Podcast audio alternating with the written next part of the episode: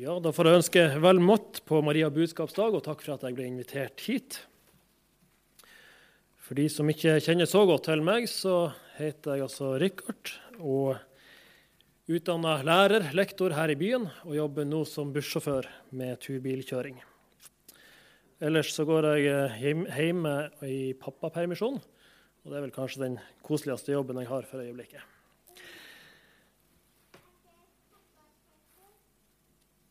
Vi skal eh, lese søndagens tekst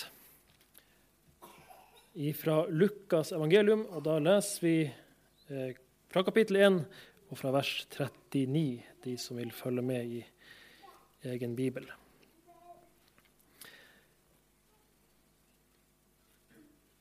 Men Maria brøt opp i de dager og skyndte seg til fjellbygdene, til en by i Juda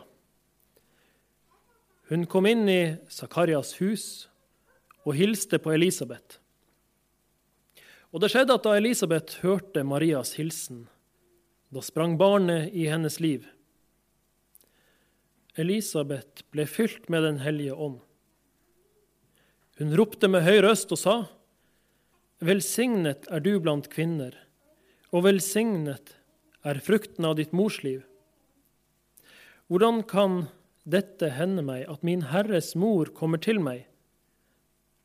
For se, da lyden av din hilsen nådde mitt øre, sprang barnet i mitt liv av fryd. Salig er hun som trodde. For fullbyrdet skal det bli som er sagt henne av Herren. Da skal vi be sammen. Ja, kjære himmelske Far, vi har nå lest og hørt ditt ord. Og vi vet at ditt ord er gitt oss for at vi skal ha gavn av det. At det skal kunne få være til liv for oss, til frelse for oss. Derfor ber vi om at du må åpne opp ordet til oss, så det får lov å virke det du vil at det skal virke. Du har grepet inn i vår verden på en merkelig og forunderlig måte når Jesus ble skapt i Marias liv. På samme måte vil du også gripe inn, og med samme kraft gripe inn i vårt liv og skape noe som ikke var der fra før. Skape evig liv, skape samfunn med deg. Herre, vi ber om det for vår del i denne stund. I Jesu navn. Amen. Litt av tematikken for det vi skal ta for oss, er dette her med at Gud griper inn, eller kanskje litt rettere sagt bryter inn i vårt liv. Det er det han gjør når han sender Maria. Han bryter seg inn i vår verden. Og det vil han også med vårt liv og i vårt hjerte. Der spør han egentlig ikke om han får lov å komme inn, men han bryter seg inn. Sånn vil det ofte erfares for oss. Dette har med det at det å komme i et møte med Gud sånn som han er, det er noen ting helt for seg sjøl. Det er noen ting som ikke vi kan sette ord på i utgangspunktet. Vi kan sette ord på hvordan det vil være å møte en hel haug med andre mennesker eller hendelser. Det er noe som vi har erfaring med. Det er noe som vi kan kjenne igjen fra gang til gang. Vi kan alltids møte en person som vi syns peker seg ut på en særskilt måte i forhold til alle andre møter. Men allikevel er det noe gjenkjennbart. Det er også et menneske. Et menneske jeg hadde en begeistring for, men det er fortsatt et menneske. Når Gud kommer til oss, så kommer han som den allmektige. Han vil inn i vårt liv som den hellige, som den som har all makt, som den som har skapt hele universet. Universet har ingen grense den er evig så langt vi ser, og så langt vi klarer å forske ut i verdensrommet. Og for alt vi vet, så utvider verdensrommet seg med uendelig fart nå også. Et lys som sendes ut i tomt rom, vil bare fortsette ut i det tomme rommet. Det vil det gjøre i millioner på millioner på millioner av år, sånn som det har gjort med alle stjernene som vi ser på himmelen.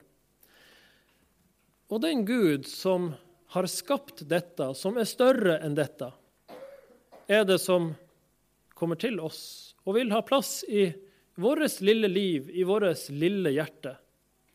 Og det lar seg ikke så lett forklare. Og ofte erfares det mer som han bryter seg inn, enn som noe annet.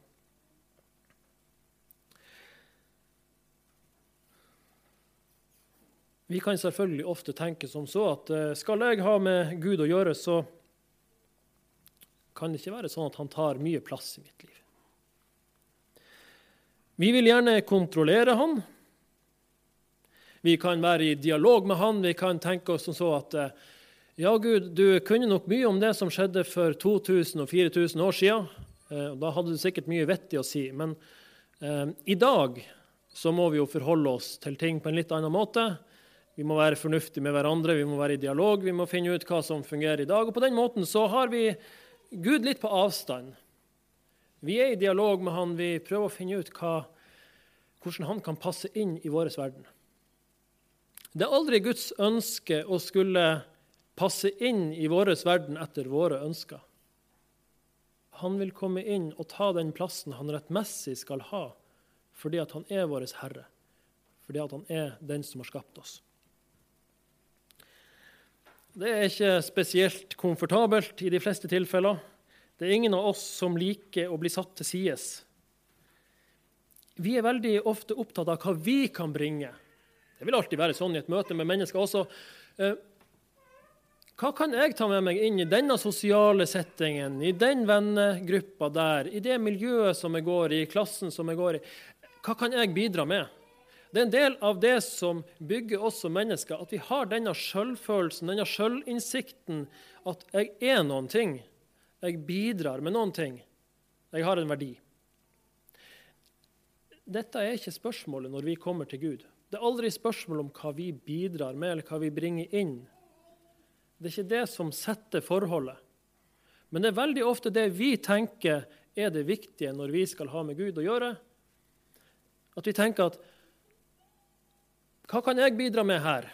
Eller bidra med for Gud, som gjør at Gud vil ha med meg å gjøre, Gud vil bruke meg, Gud vil være til stede i mitt liv på en måte som kanskje ingen andre har?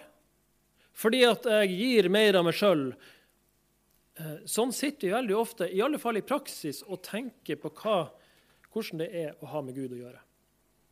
Det ligger naturlig for oss. Vi kommer ikke bort ifra det.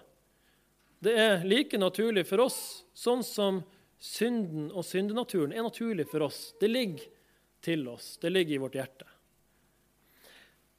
Skal Gud vende om på denne tankegangen, så må han på en eller annen måte bryte isen. Han må bryte inn, han må vri oss litt. Han må snu vår virkelighet. Og sånn er det også med Maria her. Vi tenker veldig ofte på alt vi gjør. At vi lever rett. Har kanskje våre egne sømmelighetsgrenser eller regler, for å si det sånn. Vi vet hva det vil si å leve riktig. Sånn passelig pent og perfekt i denne lille sammenhengen som vi lever i her i Tromsø by. Vi har våre regler. Vi, vi, vi har lyst til å tenke på oss sjøl som gode mennesker, som gode kristne. Det er ofte målestokken vi har for om vi lykkes i kristenlivet eller ikke. Da bruker vi målestokken hvordan kjennes dette ut? Har jeg lyktes i min i mitt kristenliv? Har jeg lyktes å vitne? Har jeg lyktes å skulle vise noen ting av hvem Gud er, av hvem Jesus er, for de menneskene rundt meg, for min familie, for mine venner, for mine klassekamerater, for mine arbeidskollegaer? Og så ser vi på det, og så finner vi ut om har vi lyktes. Og Det kan godt hende at det svaret vil være ja. Det kan godt hende at svaret vil være tja, eller kanskje nei. I alle tilfeller så er det en gæren måte å tenke på i forhold til hvordan mitt gudsforhold er og skal bygges opp. Det skal ha en annen plattform enn dette. Vi går til Maria og Elisabeth. Maria er ung, antageligvis svært ung. Det var ikke uvanlig at man da i rundt 15-16-årsalderen gifta seg på den tida der. og det er vel ting som tyder på at, at, Maria kanskje var like gammel. Det er noen tradisjoner og noen skriftlige kilder eh, som man kanskje kan sette et visst spørsmålstegn med. Men allikevel, det finnes skriftlige kilder tilbake til 200-300-tallet som sier at Maria var 16 år. Eh, I alle fall er det ikke veldig usannsynlig. Så hun er ung. Eh, det virker også som at dette er svært tidlig i svangerskapet. Hvordan i verden skal hun gå til sin slektning som er gammel og har levd livet, og som vet meget og mangt om det meste? Hvordan går man og skulle si det at 'jeg tror jeg er gravid', ja, men har du vært med en mann? Nei, har ikke det. Hvordan skal man bryte isen der?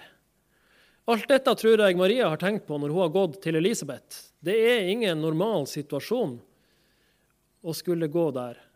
og skulle påstå at du er gravid, og det vises kanskje ikke engang, og samtidig si at eh, men det tror jeg faktisk, selv om jeg ikke har vært med noen mann. Da tror jeg de fleste vil tenke at du er ganske blåøyd og naiv hvis du påstår noe sånt. Men, men eh, det skal altså Maria gjøre. Um, og så kommer Elisabeth hun, litt i forkjøpet og sier at 'det sprang i mitt liv'.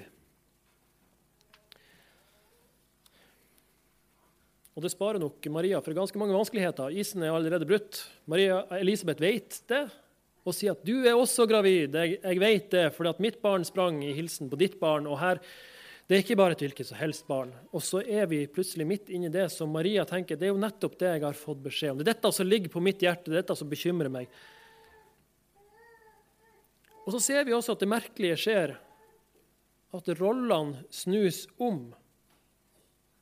Og Spesielt i en slik kultur som en Midtøsten-kultur, så vil alder ha veldig mye å si. Den unge kommer ikke og påstår at man er noen ting framfor den gamle. Det vil være helt uhørt. Den gamle er vis, har livserfaringen med seg og er på en eller annen måte samfunnets støtter. Sånn finnes det i ganske mange kulturer også her. Du har nærmeste nabo, si, det er den samiske kulturen, hvor akkoen, bestemor, det er en egen institusjon i seg sjøl, det. Du er ikke bare bestemor, du er akko, som på en måte styrer familien og styrer samfunnet rundt deg. Det er limet i alt som foregår. Det er akkurat det samme finner vi i Russland. Der er det også bestemor som er limet i alt det som foregår rundt familien. Kanskje var det noe sånt der også. Og så kommer altså ungjenta, og så står akkoen, eller bestemora, står der og sier at Min Herre er i din mage, og snur om på hele situasjonen. Hun stiller seg på en måte under Maria det skjer veldig ofte, og det skal vi legge merke til. Når Gud griper inn i en, en eller annen sammenheng, så bryr ikke han seg om verken alder eller stilling eller noen ting. Hvis han vil utføre noen ting, så bruker han den han vil, sånn han vil. Og det kan snu om på alle ytre rangordninger. Men det er Guds gjerning, og derfor har den gyldighet og autoritet. Jeg har også tenkt litt på hvor mange kvaler ville ikke Maria hatt i dag? I vårt samfunn, 16 år og ugift og gravid, med muligheten for abort, med muligheten til å ta bort barnet som var der. Det må ha vært et kanskje et enda større press på henne ifra de rundt henne til å skulle si det at dette legger du bort. Dette legger du fra deg. Dette barnet her, det må du bare vente med. Vi kasserer det som er nå i magen, og så får du vente med en senere anledning hvor ting er litt bedre stelt med ytre rammer og alt fungerer greit. Men eh, nå har du rota det til, og nå får du bare rydde opp i dette så snart som mulig. Det kan jeg fort tenke meg hadde vært røsten til mange av de rundt. Men én ting vet vi av denne teksten her. Gud har sett barnet lenge før andre har sett barnet, og Gud har elska barnet. Nå er riktignok dette Guds sønn, men sånn vil det være med ethvert menneske. Vi er høyt elska av Gud, det kan vi finne mange andre tekster på. Og Gud ser allerede ifra mors liv. Jeg syns det er vondt å høre når mange unge jenter, og kanskje også kristne jenter, syns dette er et vanskelig emne når dette har skjedd, som ikke skulle skje. Eh, at man ble gravid. Og så er det så vanskelig å leve med de rundt. Selv om kanskje også alle sier det at selvfølgelig, dette, dette, vi tar vare på deg, og vi er med deg, og vi støtter deg. Og sånt. Og så er det i praksis allikevel sånn at man føler seg satt på utsida. Eh, det tror jeg også er ting vi kan ta med oss. det At man faktisk velger å støtte de som, som tar vare på Guds under. Selv om at omstendighetene ikke er sånn som man skulle ønske det var, og man vil gjøre mye om igjen om man bare hadde sjansen, men akkurat her og nå er det ikke sånn. Og så er man likevel mor til noe som vokser i magen.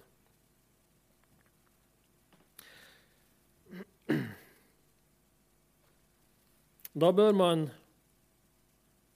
tross situasjonen, skulle kunne ønske å ha en viss respekt og verdighet til overs og jeg tror det er det mange unge jenter ønsker i en sånn situasjon, hvis de velger å ta vare på dette barnet.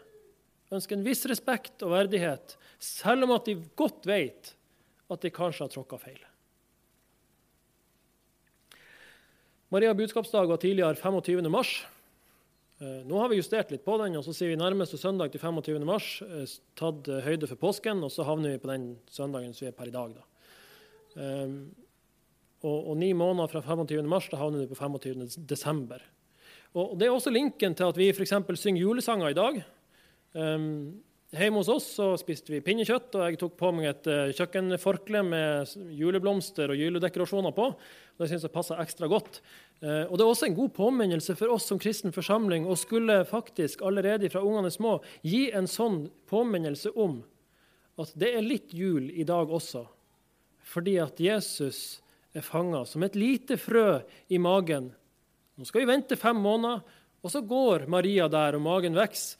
Og jula, når den kommer, så skjer fødselen. Og så får du med deg en del av det som er naturlig for oss. Dette med fødsel, dette med barn. Så får du det inn i en kristen setting, også for ungene, på en måte som de kanskje forstår mye lettere enn all annen snakk som vi skal komme med til dem.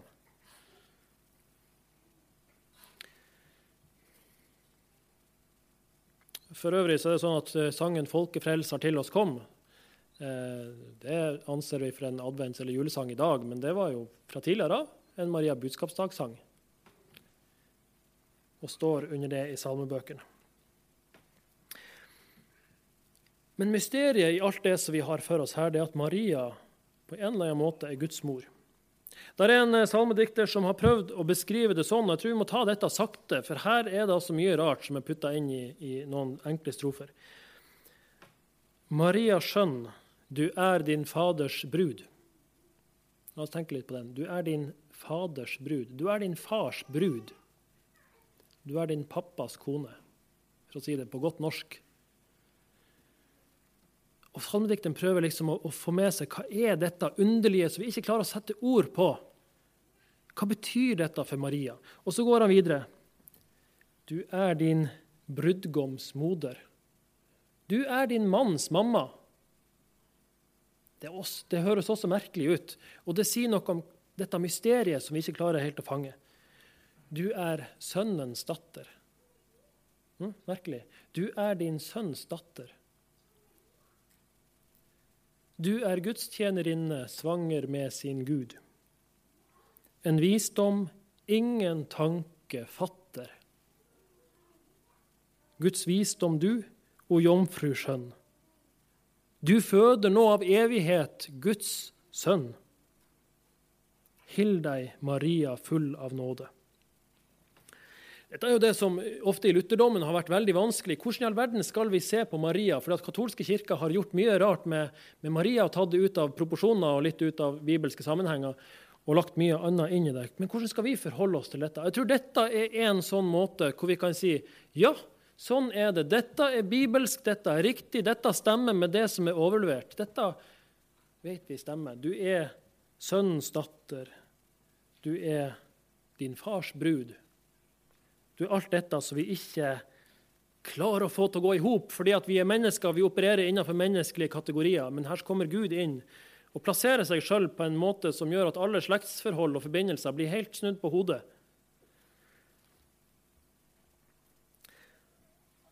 Ambrosius og biskop i Milano, det er han som laga denne sangen 'Folkefrelser til oss kom'. Det er kanskje også greit å ha i bakhodet at den sangen der er tre, fra 300-tallet. Det er en av de eldste sangene vi har i salmeboka, eller sangboka. Det er denne her. 'Folkefrelser til oss kom'.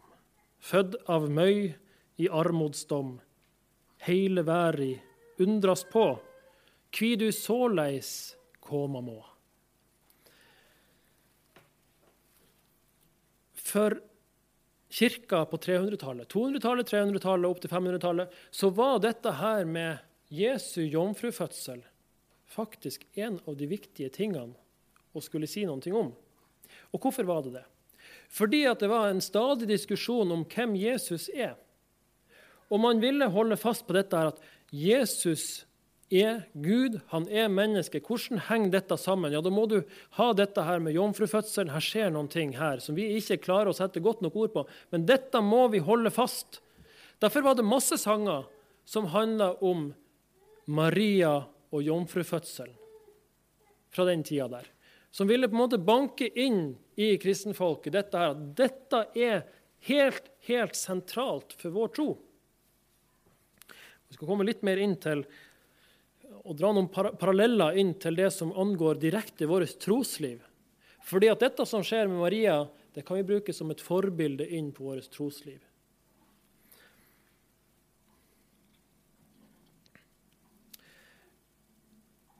Ambrosius han synger videre i vers 2, som vi også sang. Herrens under, her vi ser. Ved Guds ande dette skjer. Livsens ord fra himmerik vært i kjøtt og blod oss lik. Og Her er et lite poeng som jeg gjerne vil at dere skal prøve å holde fast på og, og dra med dere gjennom litt av det vi skal si videre. Her kommer det som er av betydning for oss. Det at livsens ord, det at Guds ord kommer og knytter, knytter seg til oss, eller vår verden, Eh, og Den skal vi holde litt fast på, for den kommer vi tilbake til. Men jeg bare introduserer det nå at her ligger litt av hemmeligheten, litt av det underfulle. Guds ord virker alt dette.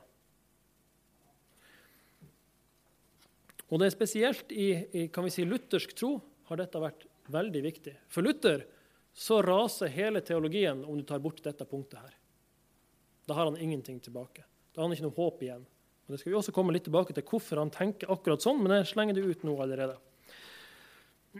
I teksten som vi leste, så er ganske tydelig Maria motsatsen til Sakarias. Sakarias er mannen til Elisabeth. Og Sakarias er den som ikke tror. Eh, han kommer med en innvending. Han sier at han vil ha et tegn. Det har folk før gjort i, i Gammeltestamentet historie. Det har Abraham gjort, det har Gideon gjort, det har Esekies gjort spurt om tegn. Allikevel er det ikke alltid at Gud ser på dette på samme måte. Og så kan vi undre oss er det rart. Nei, egentlig ikke. Det er sånn hos oss også at det vil være veldig forskjellig imellom oss om vi skulle si de akkurat samme tingene. Det vil høres forskjellig ut i hver munn, alt etter hvem som sier det, og hvilken stilling man har. Eh, og, for meg som går hjemme med en, med en uh, liten baby, så vet jeg faktisk det at det er ikke sunt for babyen om babyen sier og så står jeg attmed og sier De samme ordene, men de passer ikke i munnen til meg. Og, og får egentlig en ødeleggende effekt overfor ungen. Det sier sånn type pedagogikk eller psykologi eller alt som har å, å finne opp om hvordan man skal være som foreldre. Si at du skal ikke gjøre det. Du skal ikke, være, du skal ikke herme etter ungen. Det ødelegger på en måte hele kommunikasjonen. Du skal snakke med ditt språk til den. Du skal være direkte, du skal se inn i øynene, du skal, du skal ta det på alvor på et vis. Du skal være til stede der, men du skal ikke kopiere ungen. Ungen skal få lov å kopiere deg og leke at den er voksen. For det har noe med utvikling å gjøre. Men du skal ikke være sånn som den. Så, så dette her det kjenner vi jo igjen fra vårt liv. At noen har mer ansvar, en annen stilling. Og Sakarias er en sånn. Som det kanskje var krevd mer av. og som ikke kunne si ja, men vil, hvordan kan dette skje, jeg vil ha et tegn her. Da sier Gud du skal bli stum. Du skal bli stum fordi du ikke trodde. Fordi du ikke trodde.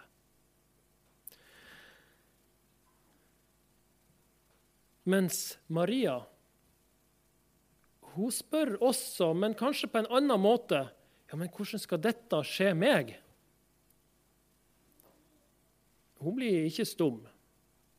Og det står faktisk rett ut at hun trodde det ord hun hørte.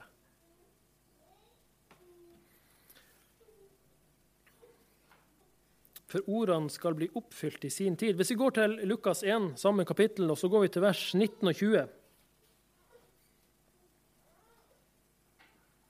Det sies til Sakarias. Engelen svarte og sa til ham, Jeg er Gabriel som står for Guds åsyn. Jeg er sendt for å tale til deg og bringe deg dette gledesbud. Se, du skal bli stum og ikke kunne tale før den dag da dette skjer, fordi du ikke trodde mine ord, som skal bli oppfylt i sin tid. Og her igjen et, et, av de poengene som jeg ville trekke fram. Guds ord må bli oppfylt og skal bli oppfylt i sin tid. Det er ufravikelig. Det må skje. Det er slik Guds ord fungerer. Vi kommer mer tilbake til dette, men, men vi også, eh, kan også allerede nå se at dette har en viss sammenheng med sakramentene. Med dåp og nattvær. Og vi sier at Guds ord knytter seg til vannet på en sånn måte at frelsen gis gjennom vannet i dåpen. Guds ord knytter seg til brød og vin. Det er fortsatt brød og vin, men det er også Guds ord og frelse i brød og vin som gis gjennom brød og vin. Det her henger nøye sammen. Og Da berører vi litt av det som også gjør at Luther sier at dette her er meget meget viktig. Raser dette raser alt. Da kan vi bare legge ned. Da slutter jeg å, å, å være egentlig kristen og menneske, for da har jeg ikke noe håp igjen. Vi kommer mer inn til det senere. Maria får høre helt overveldende ting av samme Gabriel, og samme engel.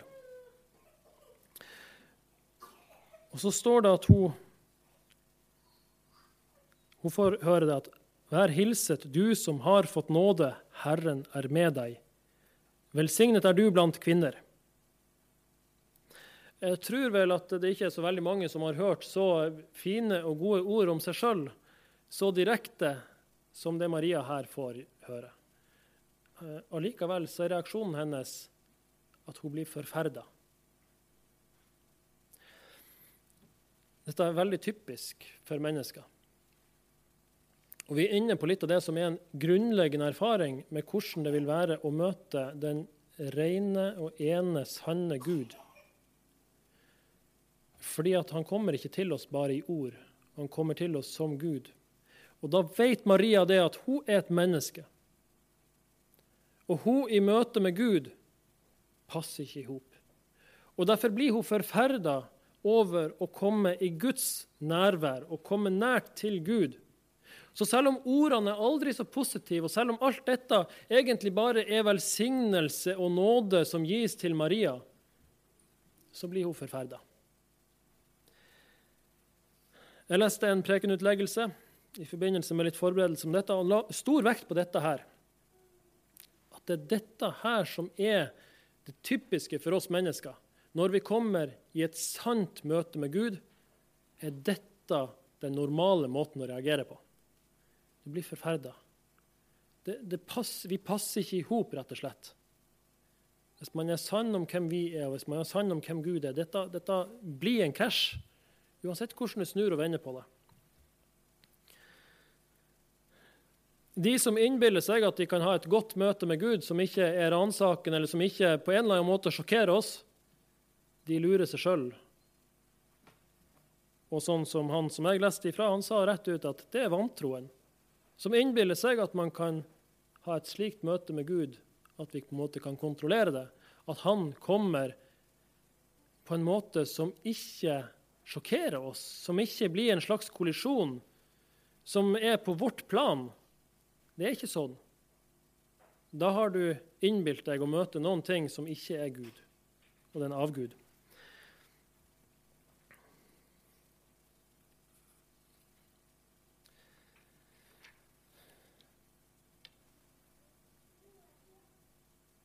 Maria får også høre det at hun, for ingenting er umulig for Gud. Og Maria blir også et stort forbilde for oss, i motsetning til Zakarias. Eller, ja, Zakarias trodde ikke, Maria trodde. Og Det er også litt sånn her, som går igjen i mye bibelhistorie. Det er noe med de her forstokka mannfolkene som ikke tror og som skal gjøre ting på sitt vis, og ikke skjønner hvordan Gud skal få, få stand på alt det som han prøver å love. Ehm, sånn som en hel ett, så tallrik som stjernen på himmelen. Det går ikke inn i en manns hode på samme måte som det i mange av historiene er for kvinner.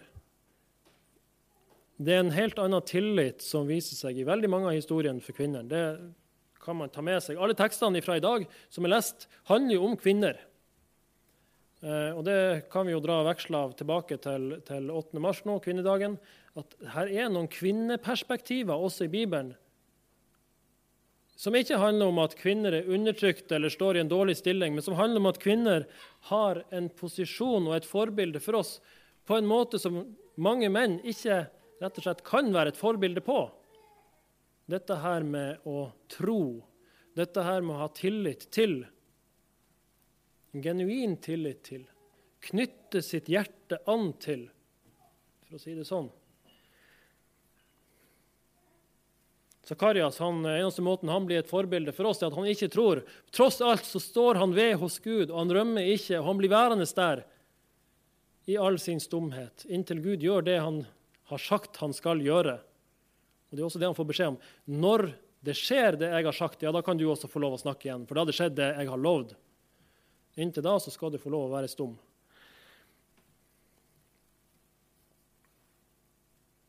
Og så er det dette underlige som skjer her, hvor Jesus og Johannes møtes. De ser ikke hverandre. Eh, de kan ikke kjenne på hverandre, men de møtes, og de vet det. Og Johannes springer i Elisabeths liv. Og Der er det også en, leste en kommentar det, som sa det at dette er et veldig sterkt ord. Nå har vi eh, etter hvert skrev han da, fått for vane å skrive at eh, barnet sparka eller noe sånt, eller hoppa eller et eller annet. Nei, sier han, barnet sprang. Det var ikke liksom bare som dytt. det var en, Her sprang man. Det var en, en uh, intensitet rundt det som skjedde. Og så fylles Elisabeth av Den hellige ånd. Hun roper til Maria, som for så vidt er ganske vanlig når Gud skal ha noen ting sagt til sitt folk, så står det alltid at han roper til folket. Og Jeg vet ikke om det er fordi at folket stokker døv, men i alle fall står det det at Gud roper til folket. Han har sjelden for vane å snakke til dem, han roper. Eh, og Det gjør også Elisabeth her, at hun roper med høy røst til Maria, som eh, antageligvis da står i et ganske beskjedent lite hus i den lille byen her. Jeg kan ikke regne med at det var et slott eller et type størrelse som vi har med fire etasjer, og hvor hun kanskje sto i ene enden og Maria kom inn døra i andre. Sånn var det nok ikke. De sto nok mer eller mindre i samme rom, og allikevel så roper Elisabeth til henne. Til Maria.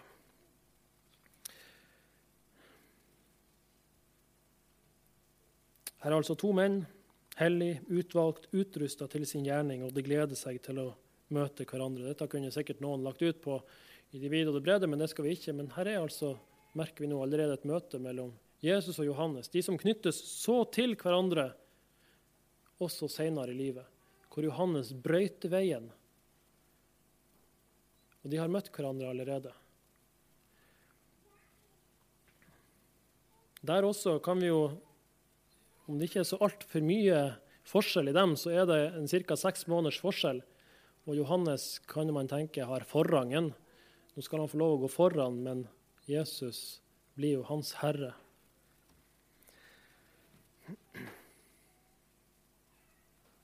Det vi snakker om her, det kaller vi for inkarnasjon. Inkarnasjon. Det å i kjøttpåtakelsen, eller noe sånt, kan vi kanskje oversette det med. Karne betyr kjøtt. inkarnasjon. Du går inn i kjøttet, du går inn i kjødet, inn i menneskekroppen. Det er Jesus som inkarneres.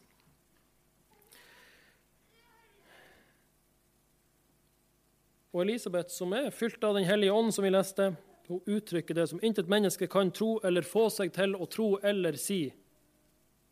Vår Herre og Gud er i din mage, Maria. Det tror jeg ville, det er egentlig ganske sjokkerende når man tenker seg om. Vår Herre og Gud er i din mage. Og sånn kommer alltid Gud til oss. Guds ord kom til Maria, og så ble hun med barn. Ordet skaper hva det nevner. Og det knytter seg til det jordiske, så de to blir ett. Jesus er fortsatt fullt menneske, men Gud og Guds ord knytter seg til det menneskelige, det verdslige, og blir ett med det, sånn at det som han knytter seg med, er både Gud og menneske samtidig. Det betyr at det menneskelige, eller det verdslige, det jordiske, det må på en eller annen måte klare å bære vekten av Gud. På et vis. Må kunne, altså Gud må kunne fylles i dette, må kunne brukes av dette, må kunne bære det himmelske. En vanlig kropp, sånn som vi har, alle vi, må kunne være bærer av det himmelske. Det er en prinsipiell sak i dette. Og det er her Luther setter inn all sin tyngde.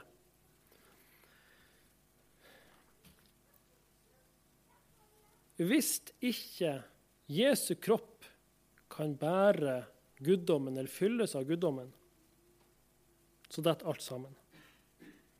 For hvis ikke han kan det, så kan ikke Guds ord være bærer av det himmelske. Det betyr at Guds ord kan ikke gi oss noen ting av det himmelske, fordi det rommer det ikke. Det er ikke plass i disse papirsidene som står her, og den teksten som står her, til å romme Gud. Og Hvis det ikke er tilfellet, hvordan i all verden skal vi få troen da? Hvis ikke Guds ord og løfter har en sånn virkning i vårt liv at det gir oss noen ting som faktisk ikke er der fra før. Og Akkurat det samme med sakramentene. Guds ord knytter seg inn i vannet, sånn at det blir noen ting som gir oss en gave og en frelse gjennom dåpen, gjennom nattverden. Og hvis ikke vi kan få frelsen ved disse tingene her, ved Guds ord og sakramentene, så fins det ikke noe håp for oss. For Luther er dette her helt klokkeklart. Hvis ikke Jesus er inkarnert, fullt ut Gud og fullt ut menneske, i en menneskelig kropp. Så det er ingenting av dette andre her heller som gjelder. Og Derfor er det for han helt utenkelig å skulle påstå at Jesus ikke er født av en jomfru. Da sier du at Jesus bare er menneske. Unnfanga ved en mann og en kvinne, fullt ut menneske men sånn kan det ikke være for Luther. Nei, Gud må gripe inn, og Gud må kunne ta bolig i det som han griper inn i. Hvis ikke er det ute med alle oss. Fordi at det er nettopp det jeg forventer i mitt liv. At Gud skal gjennom sitt ord knytte seg til oss og gi meg den himmelske gave, gi meg det evige livet. Hvis ikke han kan gi det gjennom det som han har i sitt ord, hvis ikke han kan gripe inn i vårt liv ved sitt ord, så er det ikke noe håp for meg heller. Dette må være sant. Hvis ikke så går jeg rundt og vaser her på jorda og klarer aldri å få kontakt med noe av det himmelske. Hvordan ellers skal jeg få kontakt med det himmelske? Annet enn hvis det himmelske kommer ned til meg og tar bolig i meg. Det må være sånn.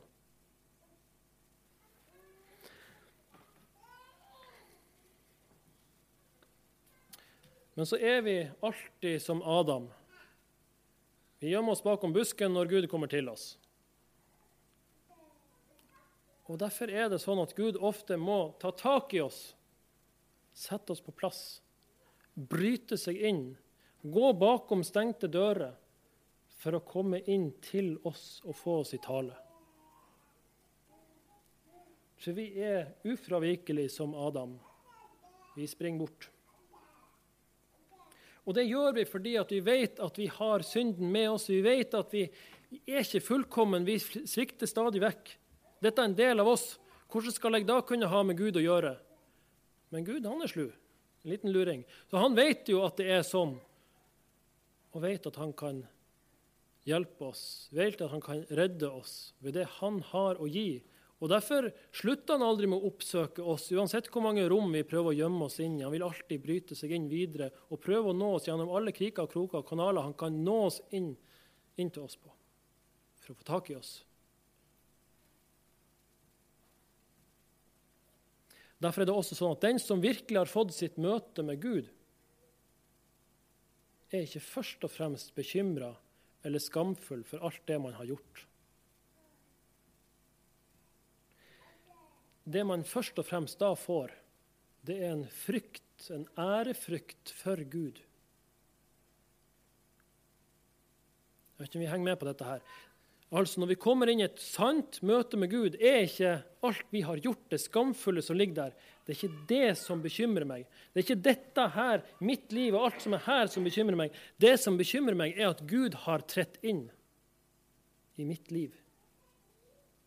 Det er det jeg bekymrer meg for. Det er det jeg har ærefrykt for. Her står en som jeg ikke kan slippe øynene av fordi han tvinger meg til å se på han. Det er blitt mitt problem. Det er blitt det viktige og det vesentlige i mitt liv.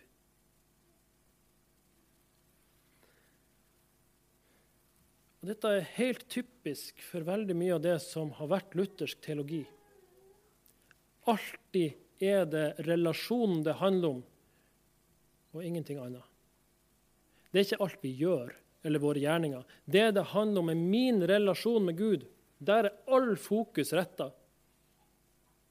Derfor retter jeg alt mitt fokus på Gud, og ikke på mitt liv, min synd, mine gjerninger og alt mitt fullkomne. Det er ikke der mitt liv ligger. Mitt liv ligger mellom meg og Gud. Det er der jeg må sette fokus. Det er det som må repareres. Derfor blir også sorgen over synda blir den desidert største sorg vi bærer med oss gjennom livet. Vi kan ha mange andre sorger. Vi kan ha mange andre ting gjennom livet som påvirker oss, som rører oss. Men den største sorgen vil alltid være min synd framfor Gud, som ødelegger så mye i mitt forhold til Gud, i min relasjon til Gud. Og Derfor er alltid de største anfektelsene som vi har, alltid har det med vårt indre liv med Gud å gjøre. Vi kan ha gjort mye rart i det ytre. Det er ikke alt som ser så godt ut. Men de største anfektelsene da vil vi få i vårt personlige liv med Gud. Med det inderlige livet vi har med Han. Og det som rokker ved dette. Og Så kommer vi til dette siste verset. Og Da er vi ved hele poenget for alt det vi har snakka om nå. Der står det Salig er hun som trodde, for fullbyrdet skal det bli som har sagt henne av Herren. Det er hele poenget. Det er hele saken i en sum. Dette er evangeliet, slik det må være om vi virkelig skal kunne ha håp om at alle våre sorger er tilintetgjort. Vi kan ha mye pine og frykt og sorg. Men hvis alt det som skiller mellom meg og Gud, tas bort, så har jeg ingen sorg tilbake. Da kan jeg si som Paulus, gled dere alltid. Igjen vil jeg si, gled dere, for alle mine sorger er tatt bort. Alle mine vesentlige sorger. Jeg kan selvfølgelig ha mange små sorger her og der, men de store sorgene, altså det som bryter i stykker mitt forhold med Gud, det er tatt bort. Og hvorfor tas det bort? Ja, det var det vi snakka om her. Det skal bli sånn som det er sagt henne av Herren. Eller vi kan si til oss det skal bli som Herren har sagt til oss. Dette kan jeg bygge mitt liv på. Dette kan jeg leve på. Hvis det virkelig er sånn at Guds ord står fast, det skal bli sånn som Han har sagt. fordi hans løfte står fast, og han kan ikke vike fra det, så kan alle mine sorger tas bort. Alt det som ødelegger mitt forhold mellom meg og Gud, kan tas bort. Alt kan repareres, alt kan bli godt, fordi at Gud og Guds ord har sagt og har lovt oss dette. Dette har jeg lyst til å understreke som det eneste eller det vesentlige poenget i hele teksten. Dette her. Det skal bli som Herren har sagt. Og der kan jeg leve. Et helt liv igjennom. Kanskje var det dette Maria tenkte på når hun begynte å reflektere over Jesajas 7, 14. Se, en jomfru skal bli med barn. Hun skal føde en sønn, og hun skal gi ham navnet Immanuel. Og så ser hun at det skal Det er blitt som Herren har sagt. Det er blitt som Herren har sagt. Og vi vet at dette er av aller største betydning for oss. I Matteus 1 så står det at hun skal føde en sønn, og du skal gi ham navnet Jesus. For han skal frelse sitt folk fra deres synder. Det er Guds ord og løfte til oss. Skal fødes en sønn, en Jesus. Han skal frelse sitt folk fra deres synder. Og det ordet skal gå i oppfyllelse.